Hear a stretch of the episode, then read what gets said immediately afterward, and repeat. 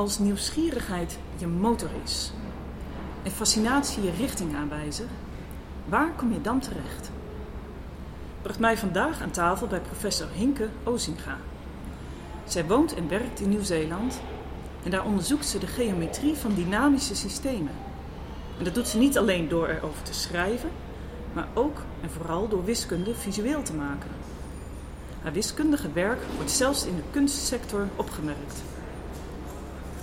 Hinke Ozinga studeerde en promoveerde aan de Rijksuniversiteit Groningen en na diverse internationale aanstellingen werkte ze vanaf 2011 aan de Universiteit van Auckland. Welkom Hinke Ozinga.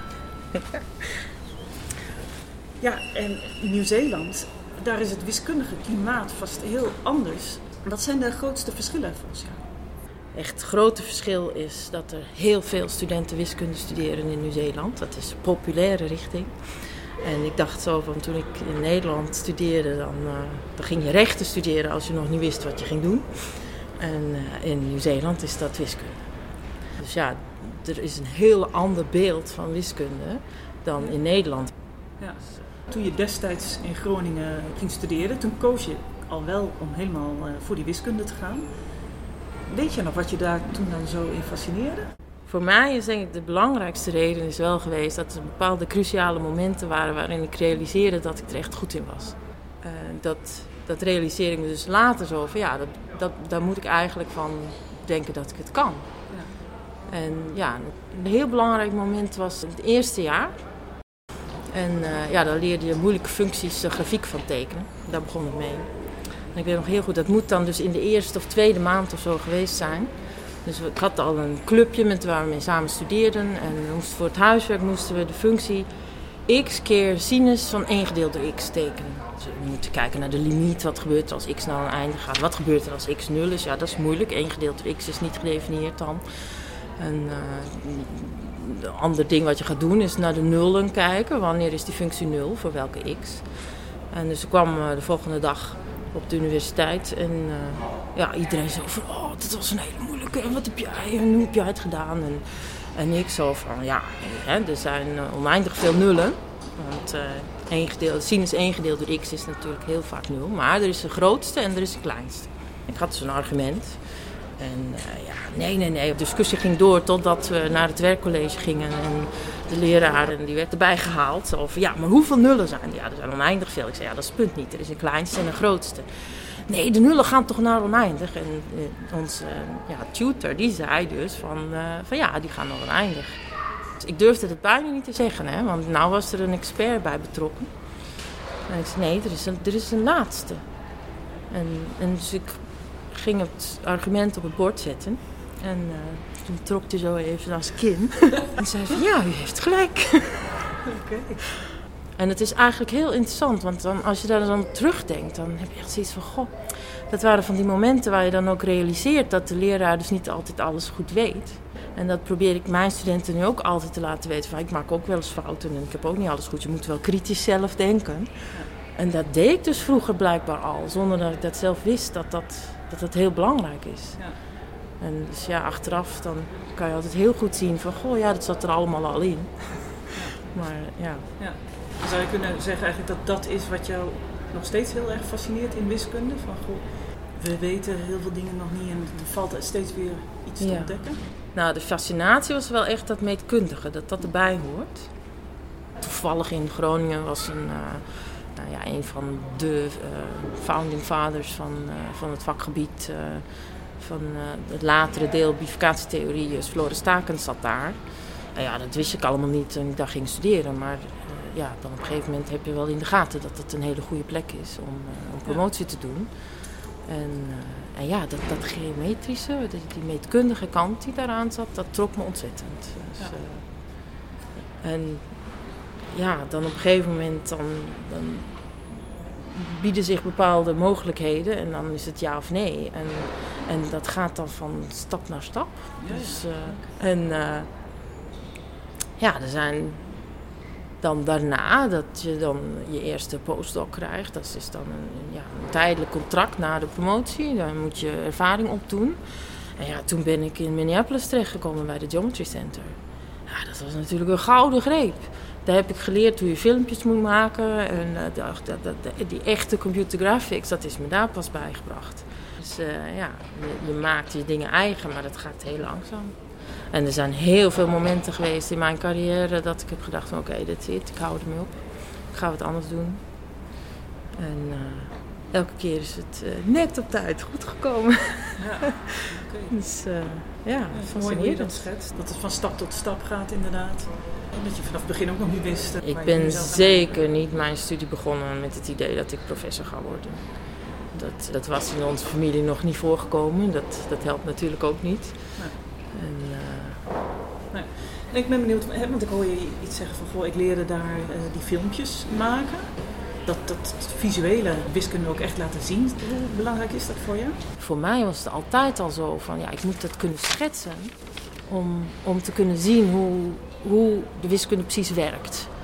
En uh, ja, ik vind dat ook een heel interessante link met uh, de enige vrouwelijke fields medalist. Uh, dus uh, Mirjam uh, Mirzaghani, die is helaas alweer overleden. Maar uh, zij heeft zelf ook altijd gezegd dat ze ontzettend aan het prutsen is met, met tekeningetjes. waardoor ze haar ideeën opdoet en waardoor ze haar bewijzen ziet en zo. En, nou, ik, ik ben natuurlijk niet van dat kaliber, maar, maar voor mij is dat, is dat heel erg aansprekend. want zo gaat het bij mij ook. Als ik plaatjes voor me zie, dan weet ik hoe het zit. Ja. Wat ik gemerkt heb wat belangrijk is, is als je met uh, mensen van andere vakgebieden samenwerkt, ja, dan kun je praten als brugman. Maar zodra er een plaatje bij komt, dan hebben ze zoiets van, ach, waarom zei je dat niet meteen? Ja. En, uh, en dus dat is ook een ontzettend goede brug voor de communicatie met mensen die dus niet de wiskundige expert zijn. Dat vind ik leuk. Mooi. Daar doe ik het voor. Ja, ja.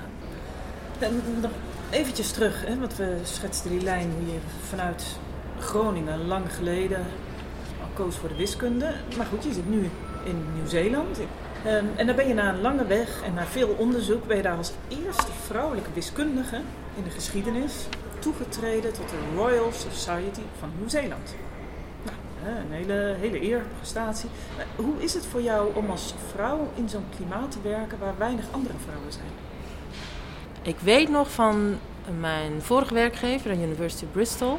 Daar was ik jarenlang de enige vrouw. En toen hebben we op een gegeven moment actief gezorgd dat er meer vrouwen kwamen. En de atmosfeer die veranderde in de vakgroep zodanig dat iedereen dat merkte. En de vrouwen, zowel als mannen, vonden het veel beter. En dat is een merkbaar verschil dat ik dus echt heb meegemaakt dat er meer vrouwen zijn. En in het begin is het bijna een beetje eng. En nu is het, ja, het is een hele leuke werkomgeving waar ik, uh, waar ik heel tevreden ben. Ja. Onlangs sprak je nog premier Rutte, die toen op uh, staatsbezoek in Nieuw-Zeeland was. En toen heb je hem in die, in die kleine tijd die je dan hè, ter beschikking hebt om, te mogen spreken met, de, met een premier, heb je hem juist op het belang van meer vrouwelijke hoogleraren in Nederland ook gewezen. Uh, ik kan me voorstellen dat mensen zich misschien afvragen van ja, maar waarom is het dan zo belangrijk hè, om, om ook echt vrouwen in de wiskunde te hebben? Nou, je geeft al aan, hè, dat geeft een heel ander klimaat. Uh, maar zitten daar nog meer kanten aan? Ja, ja mijn rolmodel uh, toen ik student was, uh, dat was professor Ruth Curtin. Die was professor in Groningen in de control theory. En ja, ik heb me dat toen niet zo gerealiseerd dat dat ontzettend belangrijk was om een vrouwelijke hoogleraar te hebben die, waar ik tegenop kon kijken, die vrouw was. En dat het dus automatisch daarmee een feit was dat je als vrouw hoogleraar kan worden. Dus dan kan ik dat misschien ook. En zo, dat soort effecten, uh, die zijn ongelooflijk belangrijk. Uh, ja, nu is, uh, is het er niet meer. En zitten we echt te wachten op een nieuwe vrouwelijke hoogleraar. Dus, maar wat ook echt heel erg opvalt, is dat het in Nederland zo erg is in vergelijking met de buurlanden. Dus er wordt veel actiever uh, in andere Europese landen aan gewerkt. En uh, ja, dat is, uh, dat is volgens mij niet noodzakelijk omdat ze ineens menen dat vrouwen zoveel beter in wiskunde zijn. maar dat is ook omdat de richtlijnen dat aangeven. Dus de Europese Unie die uh, heeft ook een, een onderzoeksbeleid. En er wordt uh, dus geld uitgegeven als je een onderzoeksvoorstel op Europees niveau indient. Dan moet je minstens één vrouwelijke investigator erbij hebben. En anders dan wordt je niet eens in beschouwing genomen. En dat doen ze niet voor de lol. Dat is omdat het statistisch gebleken is dat de kans dat zo'n onderzoeksvoorstel dan succesvol is, in de zin van dat dat onderzoek succesvol is, dat, dat komt omdat er een breder uh, team aan werkt en dat daar vrouwen bij betrokken zijn. Het is moeilijk om het over één kam te scheren. Vrouwen die zijn natuurlijk individuen en niet alle vrouwen zijn even goed in, in al die dingen. Maar ik denk wel dat vrouwen inderdaad op een andere manier wiskunde doen. Dat ze vaak wat breder om een probleem heen kunnen kijken. Dus ja, die werksfeer, dat is belangrijk. En het is waarschijnlijk omdat vrouwen op zekere, in zekere, op zekere hoogte op een andere manier willen werken en dat automatisch met zich meebrengen. En dat, dat werkt door in hoe een team zich, uh, zich dan inzet. In Amerika wisten ze dat, de Europese Unie doet dat nu. En Nederland loopt daar echt achter. Nederland kan alleen maar meedoen als uh, andere landen uh, erbij halen waar de vrouwen zitten. Ja, tijd dus dat daar verandering in komt. En vandaar dat je dat ook hebt opgebracht in het ja. gesprek.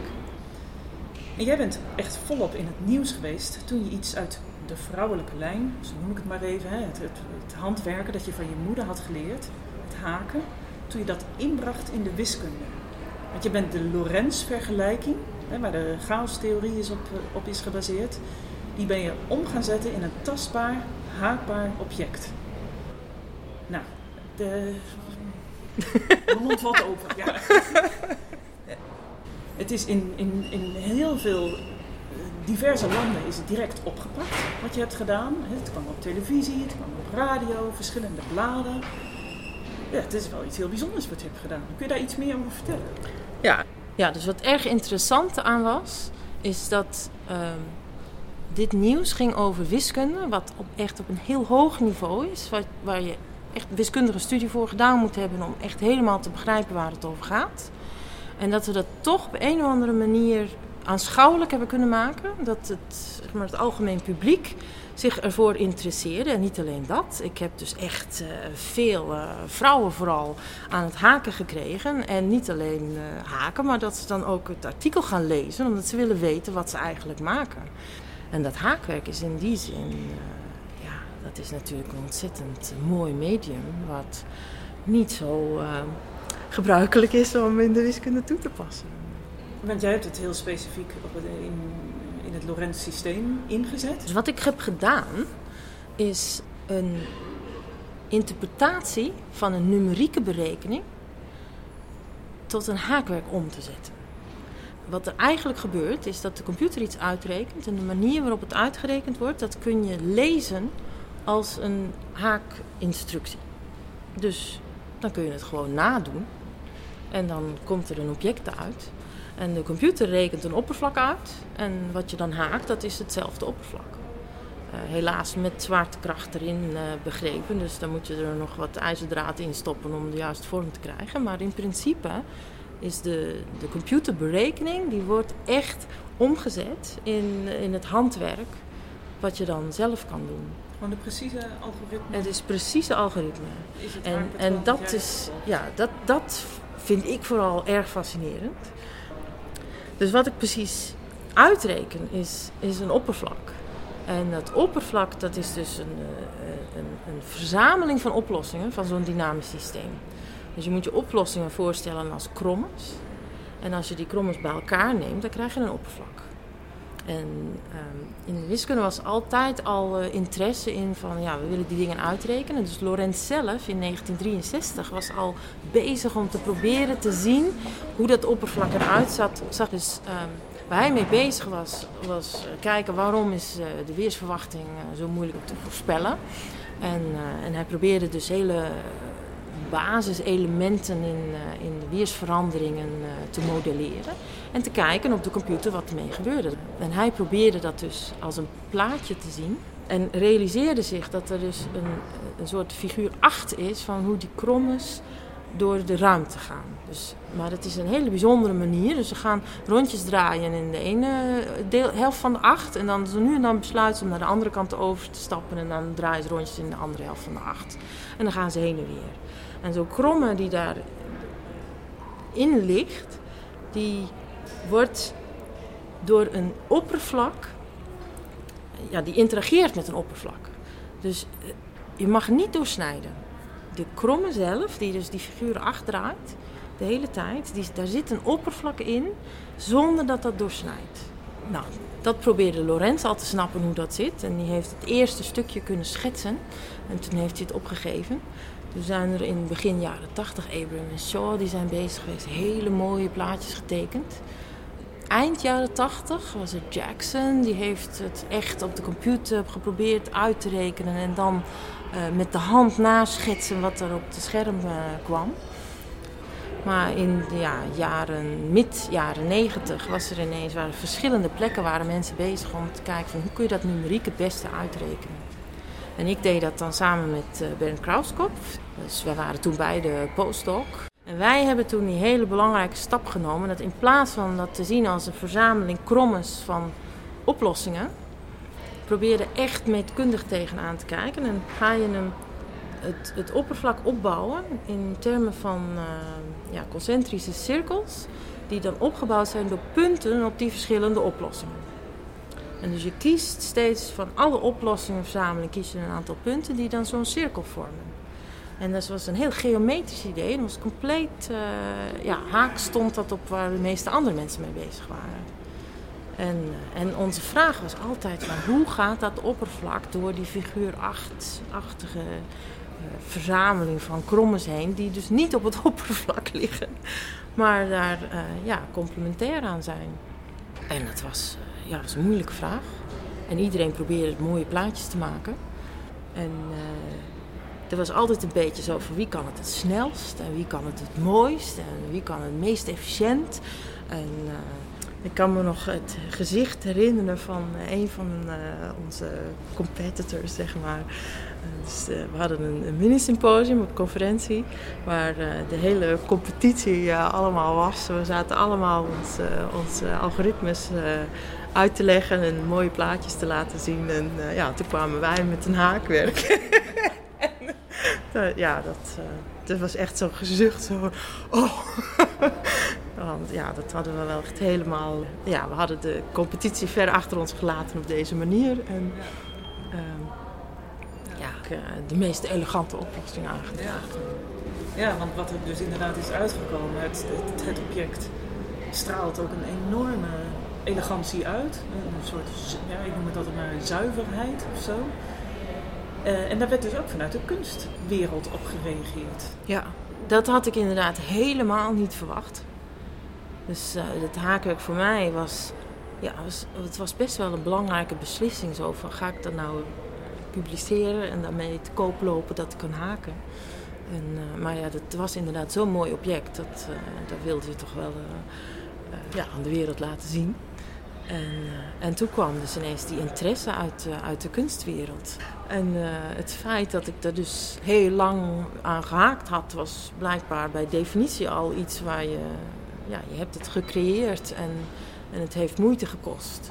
En het ziet er mooi uit. Hoe lang was je ermee bezig? Ah ja, die vraag die krijg je vaak. Dus het officiële antwoord is, uh, is dat het twee maanden gekost heeft. En in totaal uh, uh, ruim 80 uur, dus zeg maar een, twee weken voluit haken. maar dat kan ik niet, dan krijg ik blaren. Dus, dus ik heb er twee maanden over gedaan. Maar dat is versie 2. Dus versie 1, daar ben ik vier maanden mee bezig geweest. Dus ja, we waren vergeten om foto's te nemen van het stadia tussendoor. En ja, dat was een beetje dom. En toen had ik zoiets van, ach, dan haal ik hem weer even uit. en toen zei Ben, ben je gek, dan maak je er nog één. dus ja, dus ik heb twee gemaakt. En, uh, en ja, de rest van de wereld uh, die is nog steeds uh, bezig. Het is echt heel leuk. Ik heb nu net nog weer een e-mail gehad van iemand in Nieuw-Zeeland die er ook één gehaakt heeft. En, Toen je het eerste object zelf had gehaakt, toen beloofde je wie volgt, die krijgt een fles champagne.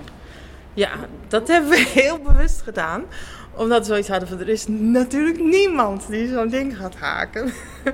Je publiceert dat in eh, ja, de Mathematical Intelligencer hebben we gekozen. Maar ja, dan gaat natuurlijk niemand dat haken. Waarom zouden ze dat nou willen doen? Je kijkt naar de plaatjes en dan is het genoeg. Hè? En die dus, champagne, die deed het hem. Dus ja, we hadden echt iets, ja, maar het is wel eigenlijk leuk als mensen dat gaan doen. Dus uh, hebben we besloten om daarin te zetten dat ze een fles champagne beloofden voor de volgende. En de grap is dat het nieuws vervolgens uh, dat heeft opgepikt met dat iedereen een fles champagne zou krijgen. Dus toen ging het ineens uh, heel rap. We kregen allemaal e-mails van mensen die begonnen waren. En uh, de eerste was een high school teacher die s s'avonds voor als hobby aan het haken was. en de tweede was een, echt een, een university professor. En de derde was uh, de vrouw van een ingenieur die de, toevallig dat tijdschrift las en zei van hé, hey, dat vind ik leuk, dat kan je mooi haken. Dus die was helemaal geen wiskundige en heeft toch een, uh, dat oppervlak gehaakt. En dus het was zo'n leuke, brede ja, uh, selectie dat we besloten dat die dus alle drie een fles champagne zouden krijgen. Maar daar is het dan bij gebleven. Tot twee jaar terug, want in Nieuw-Zeeland was er nog steeds geen. En we hadden een event, dus, uh, dus is een activiteit en het heet Mathscraft. Dan proberen we met creatieve dingen, zoals haken, breien, uh, ook plakken en borduren en wat dan ook, proberen we vooral kinderen te interesseren voor wiskunde. Ja, dat is een grote happening. Bernd en ik doen altijd mee met het haakwerk, maar wij zitten beslist niet achter de organisatie. Dat is ongelooflijk groot en hartstikke leuk. En we hadden dus weer een tour en toen hadden we een, een, een nieuwe wedstrijd uitgeschreven. De eerste in Nieuw-Zeeland, iedereen haakt, die kreeg ook een fles champagne. Dus we zijn, uh, zijn vier fles champagne aan kwijt, inmiddels. Ja, maar ik vind het echt mooi. Want daarna zag ik op de site nog meer mensen die ook zelfs zonder fles champagne uh, zijn ja. gaan haken. He, dus je hebt eigenlijk gewoon een beweging op gang gebracht die wiskunde niet alleen visueel, maar ook tastbaar maakt. Het wordt veel meer beleefd. Ja, en er is ook echt veel uitgekomen in, in bijvoorbeeld dat er handwerktijdschriften zijn die nu een wiskundig stuk hebben gepubliceerd. En dan hun uh, lezers uh, wijzen op waar de instructies te krijgen zijn en zo. Ja. En uh, dan krijg ik e-mails met vragen zo over hoe zit dat nou precies met die oplossingen en wat doet dat dan? En, hè? Ja, want daar, daar, ben ik inderdaad ook benieuwd naar. ja, um, je zei zo net ook iets hè, over de dynamische systemen. Ik kan me zo voorstellen van, hè, dat jouw werk dus eigenlijk echt inzicht geeft in hoe chaos ontstaat. En eigenlijk heel, ja, gek genoeg ook georganiseerd is. Je hebt daar je algoritmes en formules voor om te kijken hè, welke kant het op kan gaan. Bijvoorbeeld met het weer of bijvoorbeeld het verloop van het water in een rivier. Ik ben eigenlijk wel benieuwd. Veel mensen ervaren tegenwoordig nu met de crisissen op allerlei fronten dit nu ook als een heel chaotische tijd, een chaotische periode waarin wij leven. Het lijkt alsof we dan wereldwijd bezig zijn met nieuwe structuren te ontdekken, om onszelf en de economie en politiek, de natuur, het ecosysteem, om dat allemaal te herorganiseren. En nu komt de vraag: welke dwarsverbanden met andere sectoren zou jij vanuit jouw inzicht in chaostheorie nog wel eens willen onderzoeken? En wat, wat mij vooral fascineert in wiskundige chaostheorie, maar gewoon dynamische systemen in het algemeen, is dat je bent uiteindelijk bezig met vergelijkingen en die staan misschien ergens voor. Lang geleden heb ik een, eh, een project gedaan uh, waar ik bij betrokken was. Uh, dat ging over power engineering. Dus uh, dan had je een powerplant die, uh, die energie levert. En uh, ja, dat was de grote vraag natuurlijk. Als mensen met z'n allen, weet ik wat, de wereldkampioenschap voetballen willen kijken. Dan gaan ze allemaal tegelijk de tv aanzetten. of ze gaan met z'n allen in de pauze koffie zetten. Dan is er een ontzettende surge op power network. En, en dat wil nog wel eens tot een, een outage leiden. En uh, ja, er zijn dus modellen voor om te kijken van hoe kan je dat tegengaan, wat kan je daaraan doen. Het zijn vergelijkingen, daar ben ik mee aan de slag geweest. En ik ben vergeten dat dat met power electronics te maken had. En veel later ben ik betrokken geraakt bij het onderzoek van neuroscience, waar je kijkt naar modellen voor uh, celletjes in je hersenen die dan ja, wel of niet goed functioneren. En je zal het niet geloven, maar die vergelijkingen die zijn, die lijken erg veel op die power electronics. Het is ook eigenlijk elektronica. Zo'n celletje, daar worden, ja, er worden uh, door, door, die chemische uh, ver, uh, reacties die daar plaatsvinden, daar worden echt, echt stromingen opgewekt. En, en je celmembraan, daar, daar, daar zit een voltage potential overheen. En, en, en er zijn dus echt elektronische signalen die gegeven worden in het brein, waardoor uh, ja, alles aangestuurd wordt. Als je naar die vergelijkingen kijkt, dan die power elektronica, die zie je erin terug. Dus al die dingen die ik geleerd heb in die power electronics en waar ik al mee bezig was, allemaal speciale oplossingen, oppervlakken die belangrijk waren, ja, die heb ik nu ook. Het is een compleet andere schaal. Hè? We plaatsen millivolts in, plaats van kilowatt. en, en het, is, uh, ja, het is heel anders uh, hoe je er tegenaan moet kijken. Maar wiskundig is het hetzelfde. En ja, dat vind ik super fascinerend aan het feit dat ik wiskunde doe. Hè? Ik kan dus inderdaad zelfs een, een link leggen tussen een ingenieur en een neuroscientist. Om ze te vertellen van hoe dingen misschien wel met elkaar te maken zouden kunnen hebben. En wat ze dus in de neuroscience kunnen meten en zo, daar kan een ingenieur misschien wat van leren van dingen die zij niet kunnen meten en uh, vice versa. En ja, dat vind ik echt uh, fascinerend.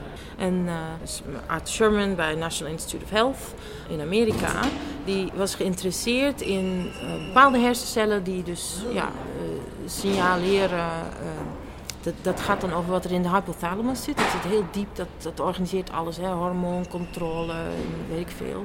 En hij was met een bepaald type cel bezig waar nog niet zo duidelijk van was wat de beste manier van het, het, het, het opschrijven van een wiskundig model.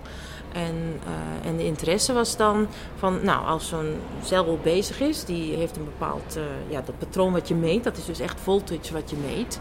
En dan zie je dus een bepaalde, ja, bursting patroon, zoals ze dat noemen. Dus de, de voltage gaat omhoog en dan oscilleert het ontzettend en dan gaat het weer een tijdje naar beneden. Dan heb je een zogenoemde silent phase, dan is de voltage heel laag.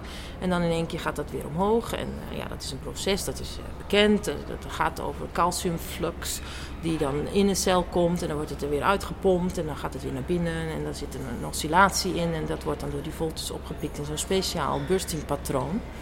En wat ze dan experimenteel kunnen doen is, is een, een klein stroomschokje geven.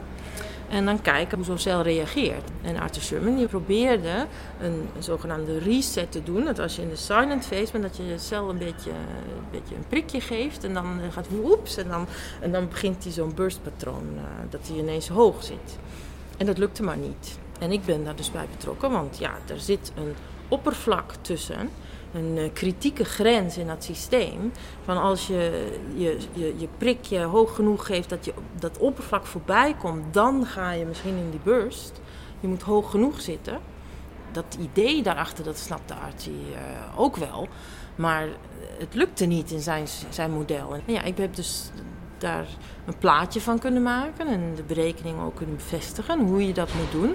En dus kunnen vertellen dat het heel moeilijk is om dat precies goed te krijgen in het specifieke model en waar dat aan ligt, wat de geometrische beperkingen waren. Uh, dat plaatje dat, uh, dat verving duizenden woorden om dan te snappen hoe dat in elkaar zat. Dat was, dat was hartstikke leuk. Ja. Ja, en de, dus dementie of, of, Alzheimer's, dat is dan iets wat daar eigenlijk aan, aan volgt. Dan krijg je dus naar weer iets ander type cellen in, in het brein, waar ze van weten dat daar iets aan verandert als je dementie uh, krijgt. Ja, ik stel me dat voor dat, uh, dat de cellen in zekere zin meer aan elkaar plakken. Dus uh, kleeft meer aan elkaar. Dan, dan reageren ze niet meer als individuen. En er zijn dus, ja, er worden experimenten gedaan van wat gebeurt er binnen één zo'n cel als je dus in zo'n Alzheimer of dementie staat komt. En dat zijn natuurlijk muizencellen waar ze dat mee doen. Maar uh, ja, dan, dan zijn er specifieke processen die blijkbaar anders gaan. Want bepaalde, ja, de, de balans, ik heb dus gezegd uh, dat er een calciumoscillatie is. Er zijn andere chemische elementen of dingen die daarbij betrokken zijn, die veranderen en dat kun je meten. En er zijn vaak rare dingen, dat bijvoorbeeld sodium gaat omhoog, terwijl ze dachten dat het naar beneden zou moeten gaan. En, en waar ligt dat aan? Wat is het mechanisme in de cel die ervoor zorgt dat als ik die oscillatie heb, die dus, ja, in mijn modellen is dat een heel stabiele oscillatie. En hoe krijg ik nou dat het ineens met, uh, met, met lagere sodium is? Dan kun je dus proberen te kijken welke specifieke parameters misschien in je model dat veranderen. Of hoe een bepaalde, ja, dat is dan weer een kritiek oppervlak wat je daarin probeert te zoeken. Van ja, dat moet veranderen, anders, ik moet aan die andere kant komen, anders dan, uh, dan krijg ik dat niet omlaag. Of, uh, of omhoog. Dus.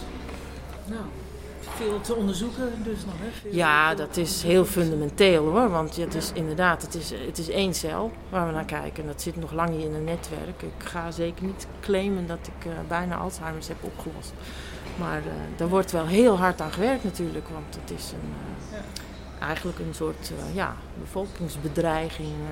van, we worden allemaal ouder. Ja.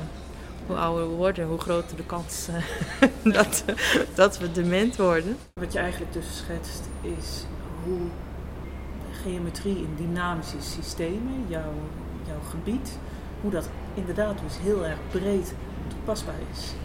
Hè, Waar je het in het begin eigenlijk over had. Hè? Ja. Wiskunde gaan studeren omdat het zo breed toe- Ja, toepasbaar het is. is hartstikke leuk, ja. Mooi. Nou, er is heel wat eh, gezegd, gedaan ook. Hè? Baanbrekend werk door jou verricht. En, en nou, dank dat je dat nu hier allemaal eh, ook wilde toelichten in deze podcast. Eh, tot slot, als jij nu mensen tegen zou komen die op het punt staan om te kiezen welke richting ze op moeten gaan, qua studie, qua baan, eh, welk advies zou je ze meegeven? Ja, het hangt er natuurlijk een beetje van af wat voor eh, sterke kanten ze hebben. Maar ik zou toch altijd adviseren, als het maar enigszins mogelijk is, om de technische kant op te gaan. Het hoeft niet per se wiskunde te zijn, maar daar kun je natuurlijk nog alle kanten mee op. Maar eh, ja, technisch, omdat de wereld echt aan het veranderen is. Volgens mij zitten we in een soort nieuwe industriële revolutie. Alles wordt straks door robots gedaan. En, eh, en, en wat doen wij dan nog? Ja, wij moeten wel proberen te kijken naar hoe gaan we ons klimaatprobleem oplossen. Wat eh, doen we met de gezondheidszorg? En dat is eigenlijk ook interessant omdat er een hele sociale en bijna psychische kant aan zit. Dus je kunt daar best wel breed over nadenken. Ik denk al aan psychologie of zo, waar we puur kijken van wat voor, wat voor impact heeft dat op personen die zich in een werkomgeving gaan gedragen, eh, samen met ja, echt van die wat mensenachtige robots.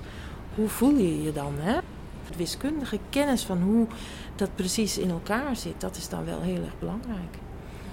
En we moeten ons echt meer gaan afvragen van wat, wat privacy eigenlijk betekent.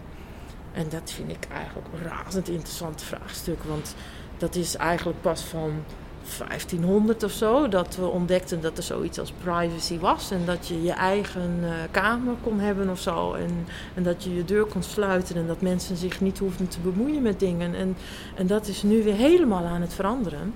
Die computers die kunnen wel echt alles over je te weten komen. En, en die willen dat dus inmiddels van iedereen weten en niet alleen maar van belangrijke personen of eh, ja, popsterren of zo.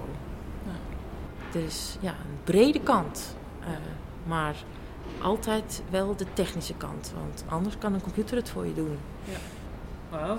Dankjewel voor alles wat je hebt gedeeld met ons en je bijdrage aan deze podcast. Hartelijk dank, dat was hartstikke leuk. Dankjewel, Rinke Ozinga.